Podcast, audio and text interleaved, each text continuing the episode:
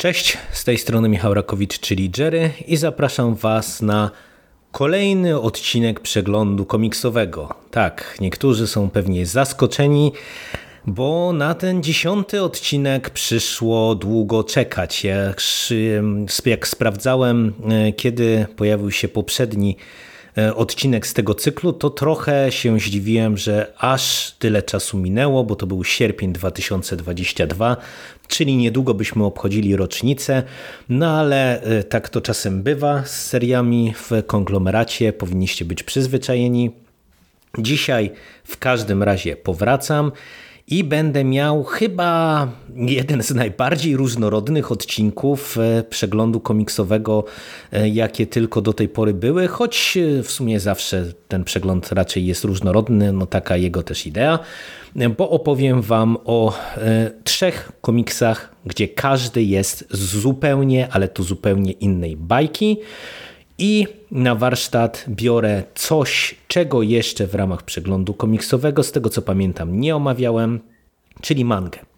Za scenariusz i rysunki odpowiada Koma Natsumi, a redakcję tego tomiku przeprowadził Koichi Suzuki, czyli oryginalny twórca Ringu, postaci Sadako. Sadako i koniec świata, bo o tejże mandze będę Wam opowiadał, to jest jednotomówka, którą zaprezentowało nam Waneko. Ona ukazała się w grudniu 2022 roku i ja o niej usłyszałem pierwszy raz bodajże od Sika, a kupiłem ją w sumie przez przypadek, kiedy wracałem z seansu kinowego, który mi odwołano. No ale czasem tak jest, nie ma tego złego, e, co by na dobre nie wyszło. E, I udało mi się wtedy tak e, przypadkowo kupić tęże mangę. I mówię, że nie ma tego złego, bo okazało się, że manga, o której y, nic nie słyszałem w zasadzie, w sensie nie wiedziałem, co to jest. Czy to jest horror, czy to jest może dramat, y, czy to jest y, jakieś post-apo, no bo mamy ten koniec świata w tytule. E, no, nie, nie wiedziałem tak naprawdę, z czym to się je i e, jakby gdzie to przypiąć. Okazała się być bardzo przyjemną e, jednotomówką, która jest w zasadzie takim miksem bardzo różnych gatunków, bo Mm, Sadako i koniec świata to jest trochę obyczajówka, e, trochę dramat, e, trochę horror, ma trochę elementów post-apo. E, w zasadzie mm, jest oparta na motywie mm, opowieści drogi. Także no to jest bardzo taki interesujący miks gatunkowy, który no, daje nam bardzo taką ciekawą i nietuzinkową historię.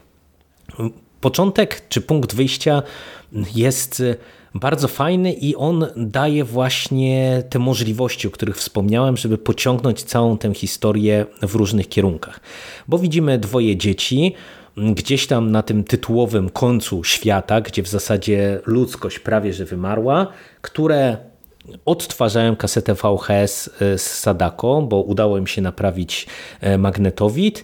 I Sadako wtedy oczywiście wychodzi z telewizora i dzieci nie wiedzą tak naprawdę, że w tym momencie zostały przeklęte e, i że mają 7 dni do śmierci, tylko traktują Sadako jako E, przyjaciółkę, jako koleżankę, jako kogoś, kogo w tym pustym świecie w końcu mają obok siebie i z którym mogą wejść w jakąś interakcję, mogą przeżyć jakąś e, przygodę. No i w zasadzie tak się dzieje. E, one jakby nie słuchają, czy nie dowierzają w ogóle, nie biorą pod uwagę na poważnie tej klątwy, no a my jako czytelnicy wrzuceni w tak jakby dziwaczną też sytuację, no umówmy się, raczej po ringu spodziewalibyśmy się czegoś innego, e, no też nie wiemy, do czego to będzie zmierzać. Czy, czy mm, ta klątwa jest, czy ta klątwa nie jest, czy, czy Sadako zostanie udomowiona, czy e, tak, że się tak kolokwialnie wyrażę, czy, czy nie. No, o tym się będziecie musieli przekonać, jak e, sięgniecie po tę mangę. No i rozpoczyna się ta opowieść drogi, kiedy dzieciaki z Sadako podróżują i spotykają na swojej drodze kilka różnych postaci. E, mamy fryzjera i tutaj mamy wątek, który wydaje się być takim najbardziej komediowym, no bo fryzjer oczywiście widząc Sadako i jej czarne włosy postanawia e, ją uczesać, przystrzyc. E, to jest fantastycznie napisane i ja przejdę do rysunków za chwilę, ale dla mnie to jest aż niewiarygodne, bo w którymś momencie przy tych czarno-białych mangowych rysunkach udało się osiągnąć efekt taki, że my widzimy efekt pracy fryzjera na Sadako. To jest doskonały zabieg, naprawdę. No, nie mogłem się przestać e, śmiać i, i nie mogłem się przestać na to napatrzeć. Spotykamy też pewną staruszkę, która straciła swoje dzieci. No i e, dojdziemy także do, do puenty całej e, opowieści, dojdziemy do puenty całej tej historii i no to jest coś, co mnie bardzo zaskoczyło, bo tak jak mówię, ja do końca nie wiedziałem, czego się spodziewać i mm, wydaje mi się, że to jest naprawdę no, bardzo taki zmyślnie zrobiony i ciekawie rozpisany miszmasz gatunkowy, bo, bo tu naprawdę e, łączy się ten humor z dramatem i nawet horrorem, bo e, w zasadzie w finale e, mamy jumpscare, który jest bardzo ciekawie jakby podprowadzony. To, to, to jest naprawdę fajny, fajny patent. Świetnie to jest zrobione. I to, że ta historia jest tak krótka, tak dobrze jest gdzieś tam rozpisana na poziomie emocji, relacji, to było dla mnie spore zaskoczenie, no bo okazało się, że mówię, pomimo tego, że to jest króciutka opowieść, to my jako czytelnicy zdążymy się zżyć z tymi postaciami i przejmujemy się ich losem. No i e, to, co widzimy na kartach, co się dzieje z poszczególnymi postaciami, jaka jest ta ich droga e, i tak dalej, i tak dalej, no to z jednej strony jest zaskakujące, z drugiej strony może być e, smutne, czasem dramatyczne. No jest to naprawdę świetnie napisana historia.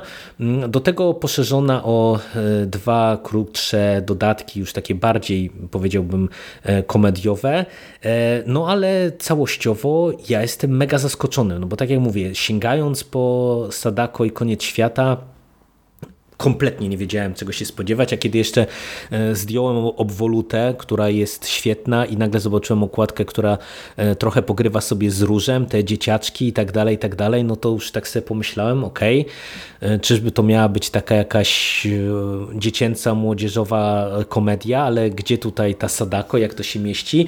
No mam wrażenie, że tutaj twórcy sobie poradzili z tym tematem fantastycznie i po prostu potem opowieść już tylko i wyłącznie dla tych wątków fabularnych mm, warto e, przeczytać, szczególnie jeżeli jesteście fanami Sadako i Ringu i e, japońskich e, e, J-horrorów, bo, bo to po prostu jest bardzo ciekawy, interesujący dodatek taki po latach, który możemy dosłownie traktować jako właśnie coś po latach, no bo to mamy ten koniec świata w tytule i w świecie przedstawionym i ta manga jest też bardzo dobrze narysowana. To, to było też dla mnie w sumie zaskoczenie, jak świetnie wypada Sadako i cała ta historia w, właśnie w tym mangowym stylu. Tutaj mamy kilka takich plansz, jak na przykład, nie wiem, Sadako, y, która y, zostaje wciśnięta w zasadzie do tego jednego łóżka z y, naszymi głównymi bohaterami. No to, to są przekomiczne rzeczy, to, to wypada fantastycznie. Ta kreska jest oczywiście taka bardzo w mangowym stylu, rysunki są czarno-białe ale te postaci są odpowiednio ekspresywne, e, mają e, fajne relacje rozrysowane także właśnie na tym poziomie wizualnym, to jak, jak, jak się poruszają, jak się zachowują, e, jaka jest ich mimika. To jak rozwiązano sposób komunikacji Sadako też mi się bardzo podoba, bo to robi fajny klimat właśnie także na tym poziomie wizualnym. No bardzo, bardzo dobrze także pod tym kątem wizualnym poprowadzona opowieść. Także śmiało się sięgajcie. To jest e, manga, którą możecie wyrwać dosłownie za e, parę groszy, pewnie circa 20 zł, e, czyli no to są naprawdę grosze jak na obecne warunki, a to jest zwyczajnie interesująca historia i oczywiście wydaje mi się, że jeżeli będziecie mieli jakiś kontekst, nie widzieliście jakikolwiek ring, amerykański, japoński, cokolwiek, no to pewnie trochę lepiej się wczujecie w tę historię, ale wydaje mi się, że też na poziomie scenariuszowym to jest na tyle dobrze dobrze poprowadzone, że i tak suma summarum to powinno na Was podziałać odpowiednio. No i tak jak powiedziałem, będzie dzisiaj bardzo różnorodnie, bo z mangi, która jest miksem gatunkowym, przechodzimy do komiksu Davida Camposa zatytułowanego Kasumai. To jest tytuł, który został wydany u nas e, przez Team of Comics e, już jakiś czas temu, bo bodajże w 2020 e, roku. I to jest tytuł unikatowy, tak jak mówię, nie tylko dla tego przeglądu komiksowego, ale w zasadzie nawet dla mnie, bo to jest w zasadzie reportaż. To jest w zasadzie reportaż. My mm, poznajemy zapiski Davida Camposa, który w latach 2006 i 2007 przebywał w Gwinei-Bissau. Mamy też tutaj krótką wycieczkę do Senegalu, ale to jest jakby detal. I e, on w tych latach 2006-2007 pojechał tam, e, sam będąc e, bodajże Portugalczykiem, na taki wolontariat, aby pomagać w Gwinei-Bissau w ramach prac z wolontariatem, różnych tam prac z dzieciakami, z, przy jakichś rolniczych kwestiach, ale także zwiedzać właśnie ten konkretny afrykański kraj. No i na poziomie fabularnym to jest mm, w zasadzie taki dziennik. My śledzimy mm, różne, czasem niechronologiczne, mm, znaczy, czy może nawet inaczej, może chronologiczne, ale nie prowadzone w sposób ciągły wydarzenia, które miały miejsce w trakcie tego jego pobytu. Jakieś e, przypadkowe czasem spotkania w barze, przypadkowe spotkania w autobusie, ta jego praca e, w ramach wolontariatu, spotkania z różnymi osobami, dyskusje na różne tematy. I to jest e, reportaż o tyle interesujący, że wydaje mi się, że przez to, że on dotyka tych lat 2006 i 2007, to jest taki swoisty wehikuł czasu. Wydaje mi się, że jeżeli nie wiem, ktoś się interesuje Afryką, kontynentem afrykańskim, tym co się tam dzieje, to, to bardziej pewnie to będzie dla niego już ciekawostka, bo zakładam, że e, przez te no ile, 15 lat to już e, w, wszędzie się zmieniło wszystko, więc zakładam, że Gwinea-Bissau też wygląda zupełnie, zupełnie inaczej niż jest to przedstawione tutaj na e, kartach tego komiksu. No ale to nam daje właśnie ten taki interesujący filtr i fil reportażu, który jest zapiskiem konkretnych chwil i to bardzo ulotnych, bo właśnie to jest też interesujące w tym albumiku, że Campos jest skupiony nie na próbie opowiedzenia jakiejś konkretnej historii. To nie jest reportaż mm, taki sprawozdawczy, który ma nam opowiedzieć e, coś o Gwinei-Bissau, nie wiem, o jej strukturze społecznej, o warunkach politycznych itd., tak itd. Tak Takie rzeczy się czasem przewijają, bo nie wiem, wpadają na kogoś i dyskutują na tematy polityczne, albo no sam fakt to, że, tego, że są na wolontariacie i muszą pomagać e, w ramach jakiejś pomocy e, charytatywnej, no to też już o czym świadczy i tak dalej, i tak dalej. Ale w dużej mierze to są takie zapiski chwil e, podróżnika. No, jeżeli kiedykolwiek byliście, nawet nie na takiej wyprawie, tak dalekiej, tak odległej, no to wiecie, że czasem podróż e, nawet do innego miasta, czy, czy e, w jakiś inny region, to często jest właśnie taki zbiór różnych chwil, przypadkowych spotkań, że gdzieś wejdziecie do jakiejś knajpy, z kimś porozmawiacie w barze, ktoś was zaczepi, nie wiem, na spacerze w parku, albo jakieś dzieciaki spotkacie nad jeziorem, no cokolwiek cokolwiek. Różne takie przypadkowe chwile i ten reportaż jest w dużej mierze utkany właśnie z tego e, rodzaju chwil i to jest interesujące. Nie, nie, wiem na ile to może być interesujące dla nie, tak naprawdę współczesnego polskiego czytelnika, no bo z jednej strony wydaje mi się, że ten komiks taki reportażowy to jest określona nisza i w Polsce z tego co widziałem e, mamy trochę tego rodzaju publikacji, czasem publikacji fabularyzowanych, czasem bardziej stricte reporterskich, ale no właśnie, wydaje mi się, że to jest e, nisza, to jest jedna kwestia.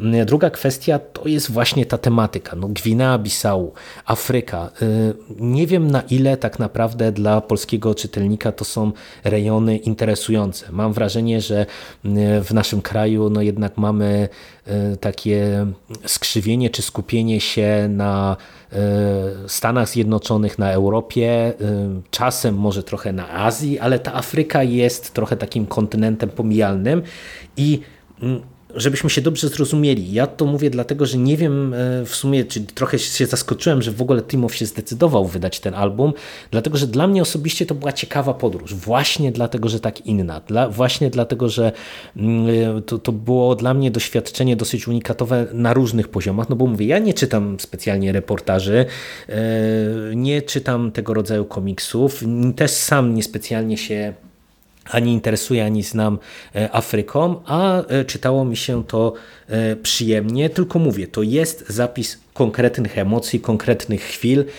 czasem tak ulotnych jak dymek ze spalonego skręta, których tutaj sporo całkiem jest wypalonych w tym komiksie. I jeżeli mamy do czynienia z komiksem, no to zapytacie, jak wypada warstwa wizualna.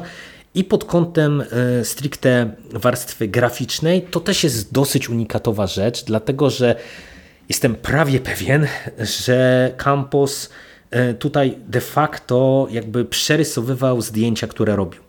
Bo świadczy o tym i układ kadrów, gdzie w zasadzie na większości stron mamy mm, cztery kadry, tak jakby ktoś nakleił na stronę dwa zdjęcia na każdą ze stron.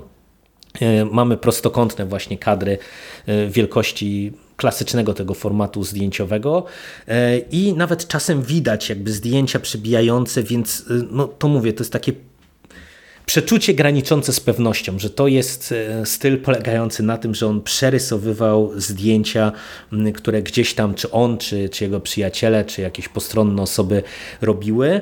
I to jest wszystko rysowane w takich y, piaskowych, brudnych barwach.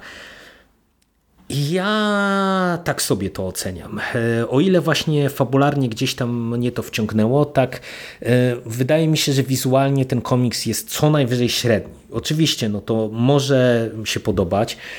To jakby potęguje wrażenie właśnie to reportażowe całej całości, no bo widzimy zdjęcia, no to trochę się czujemy tak jakby ktoś nam opowiadał historię swojej podróży więc to jest w jakiś tam sposób interesujące. To pasuje gdzieś tam do koncepcji, ale przyznam się otwarcie, że y, to jak y, Campos, nie wiem, rysuje twarze, rysuje emocje, y, to mi się niezbyt podobało i do mnie wizualnie ten komiks raczej nie trafił. Czy polecam? No jeżeli Was interesuje właśnie komiks reportażowy, jeżeli Was interesuje Afryka, e, no to możecie sobie ten album X sprawdzić, on jest cały czas e, dostępny. E, no przy czym mówię, musicie się spodziewać, że jest to rzecz no dosyć specyficzna dla dosyć specyficznego czytelnika.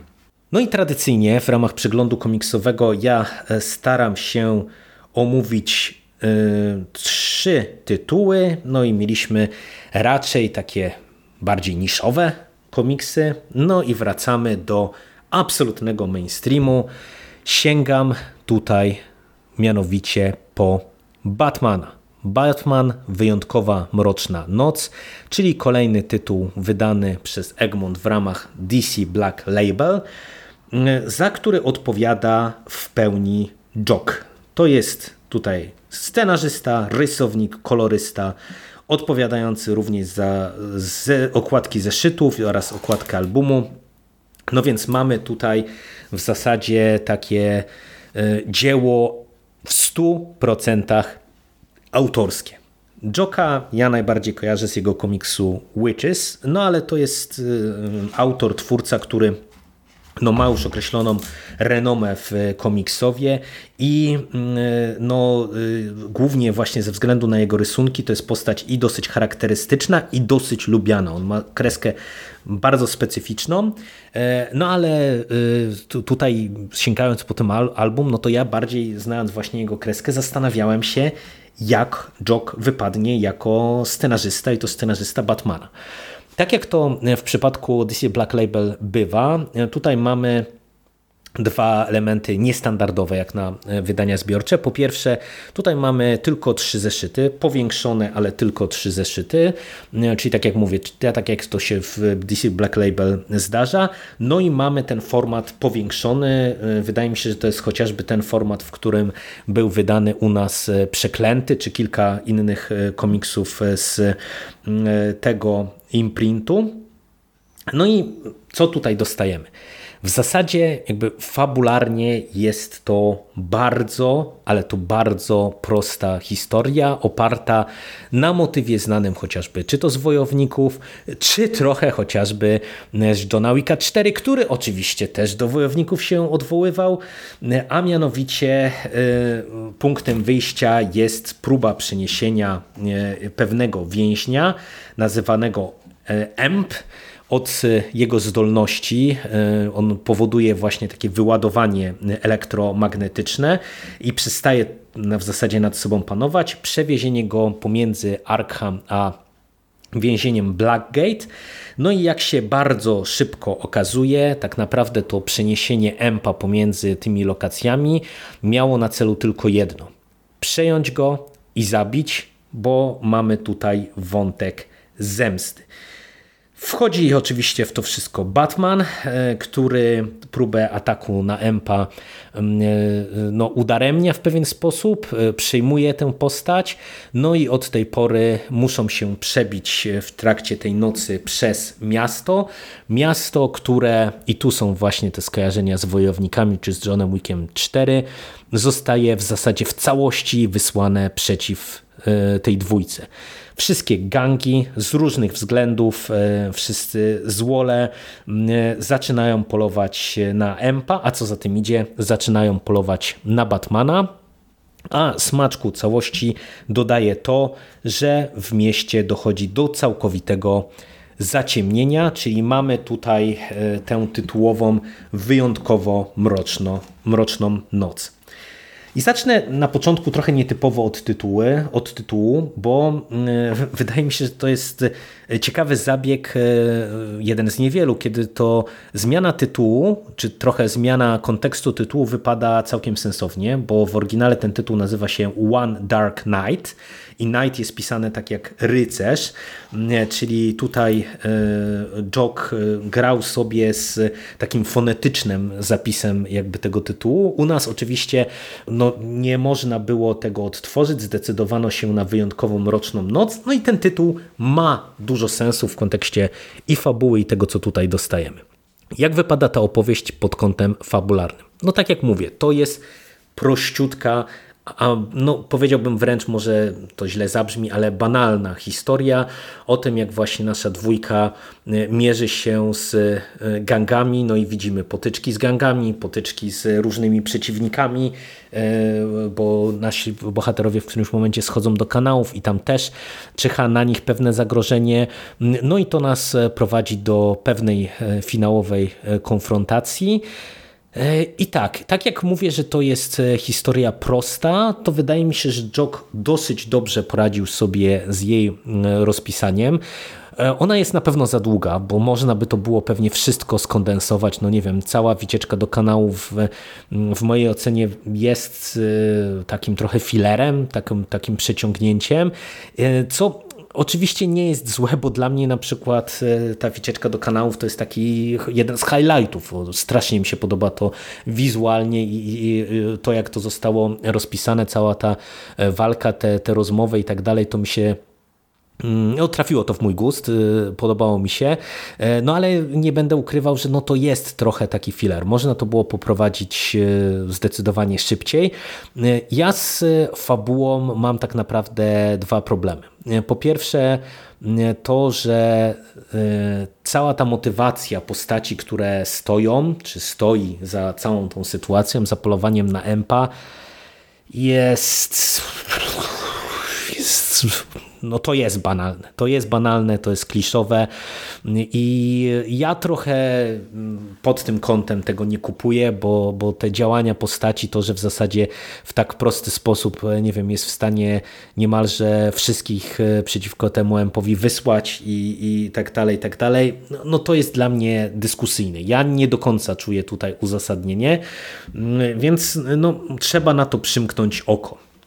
Drugi, dużo poważniejszy dla mnie problem jest to, że pojawia się tutaj e, René Montoya i tak jak e, ja raczej kupuję z dobrodziejstwem inwentarza podejście różnych twórców do Batmana i do postaci związanych z e, jego uniwersum w ramach DC mm, Black Label, bo e, no, tam twórcy różne rzeczy robią. No, mamy, nie wiem, chociażby uniwersum Białego Rycerza, gdzie znane nam postaci są w zupełnie innych rolach, e, ale e, nawet jeżeli, nie wiem, postaci są właśnie trochę o zmienionej charakterystyce i tak dalej, tak dalej, to ja lubię, kiedy relacje pomiędzy tymi postaciami gdzieś tam są zachowane czy trzymane w ryzach.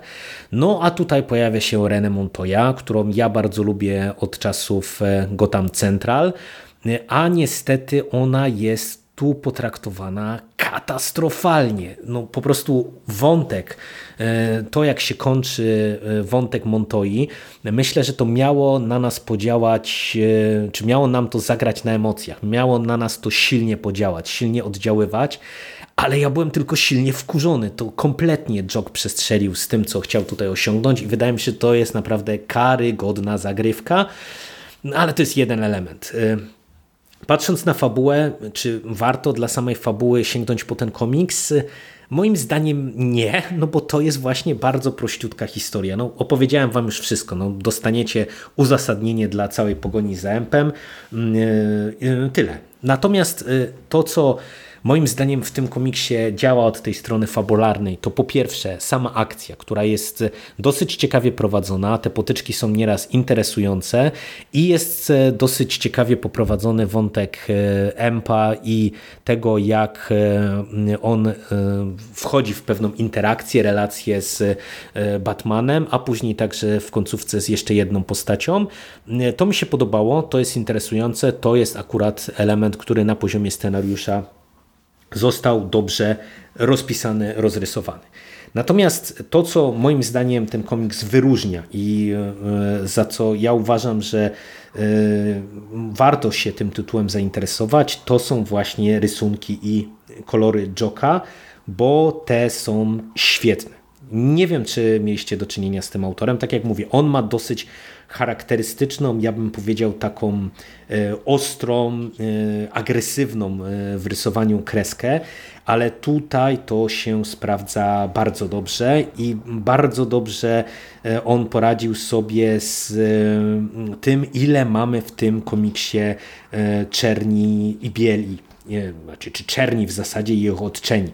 E, bieli raczej tutaj nie ma. E, bo no wiecie, mamy tę noc, e, więc bardzo wiele kadrów jest mrocznych, rozgrywanych na właśnie takich szaro-czarnych, burych, buro-niebieskich jakichś tam nutach, mm, ale nie ma wrażenia nudy Sceny akcji są prowadzone świetnie, rysunki są fantastycznie rozplanowane. Całość e, tego napięcia, które jest budowane i całej tej e, ucieczki, przebicia się przez miasto jest potęgowana umiejętnie przez e, sekwencje takie, w których Jog wrzuca nam na przykład mapę i pokazuje, gdzie jest Batman, gdzie jest cel całej ich podróży, czyli Blackgate i gdzie są poszczególne na przykład gangi. To jest niby prosty, ale satysfakcjonujący zabieg. Także pod tym kątem wizualnym to jest świetny tytuł, który mm, także no, sprawdza się właśnie na tym poziomie e, tego powiększonego formatu. E, I e, ja absolutnie nie miałem właśnie problemu z tym, że on jest taki utrzymany właśnie w tych czarno-szaro-niebieskich tonacjach. Przy czym to trzeba mieć też świadomość tego, że tak jak mi się te ilustracje i to jak, nie wiem, cała akcja, walki i tak dalej, jak to jest wszystko rysowane, e, jak to mi się podoba, to to nie jest komiks z gatunku tych epickich. To nie jest, e, nie wiem, mm, sposób rysowania chociażby Dautermana w Potężnej Tor, gdzie mieliśmy rysunki fantastyczne, ale mieliśmy też jakby epickość, nie? jakieś wielkie, potężne starcia. Nie, to jest taki komiks utrzymany na tym poziomie ulicy, dosłownie i w przenośni bardzo często i to powoduje, że no te walki, te starcia, one też są właśnie no takie uliczne. No i jeżeli lubicie tego rodzaju Batmana, to wydaje mi się, że to jest album dla Was. Jeżeli jesteście fanami twórczości Joka, no to też e, myślę, że możecie śmiało po Batmana wyjątkową mroczną noc sięgnąć. No i cóż, ode mnie to by było na tyle. Mam nadzieję, że nie będziemy się słyszeć kolejny raz za 10 miesięcy, no ale nie obiecuję. Zobaczymy, co przyniesie przyszłość, która, cytując klasyka, w ciągłym ruchu jest. Do usłyszenia w przyszłości. Cześć.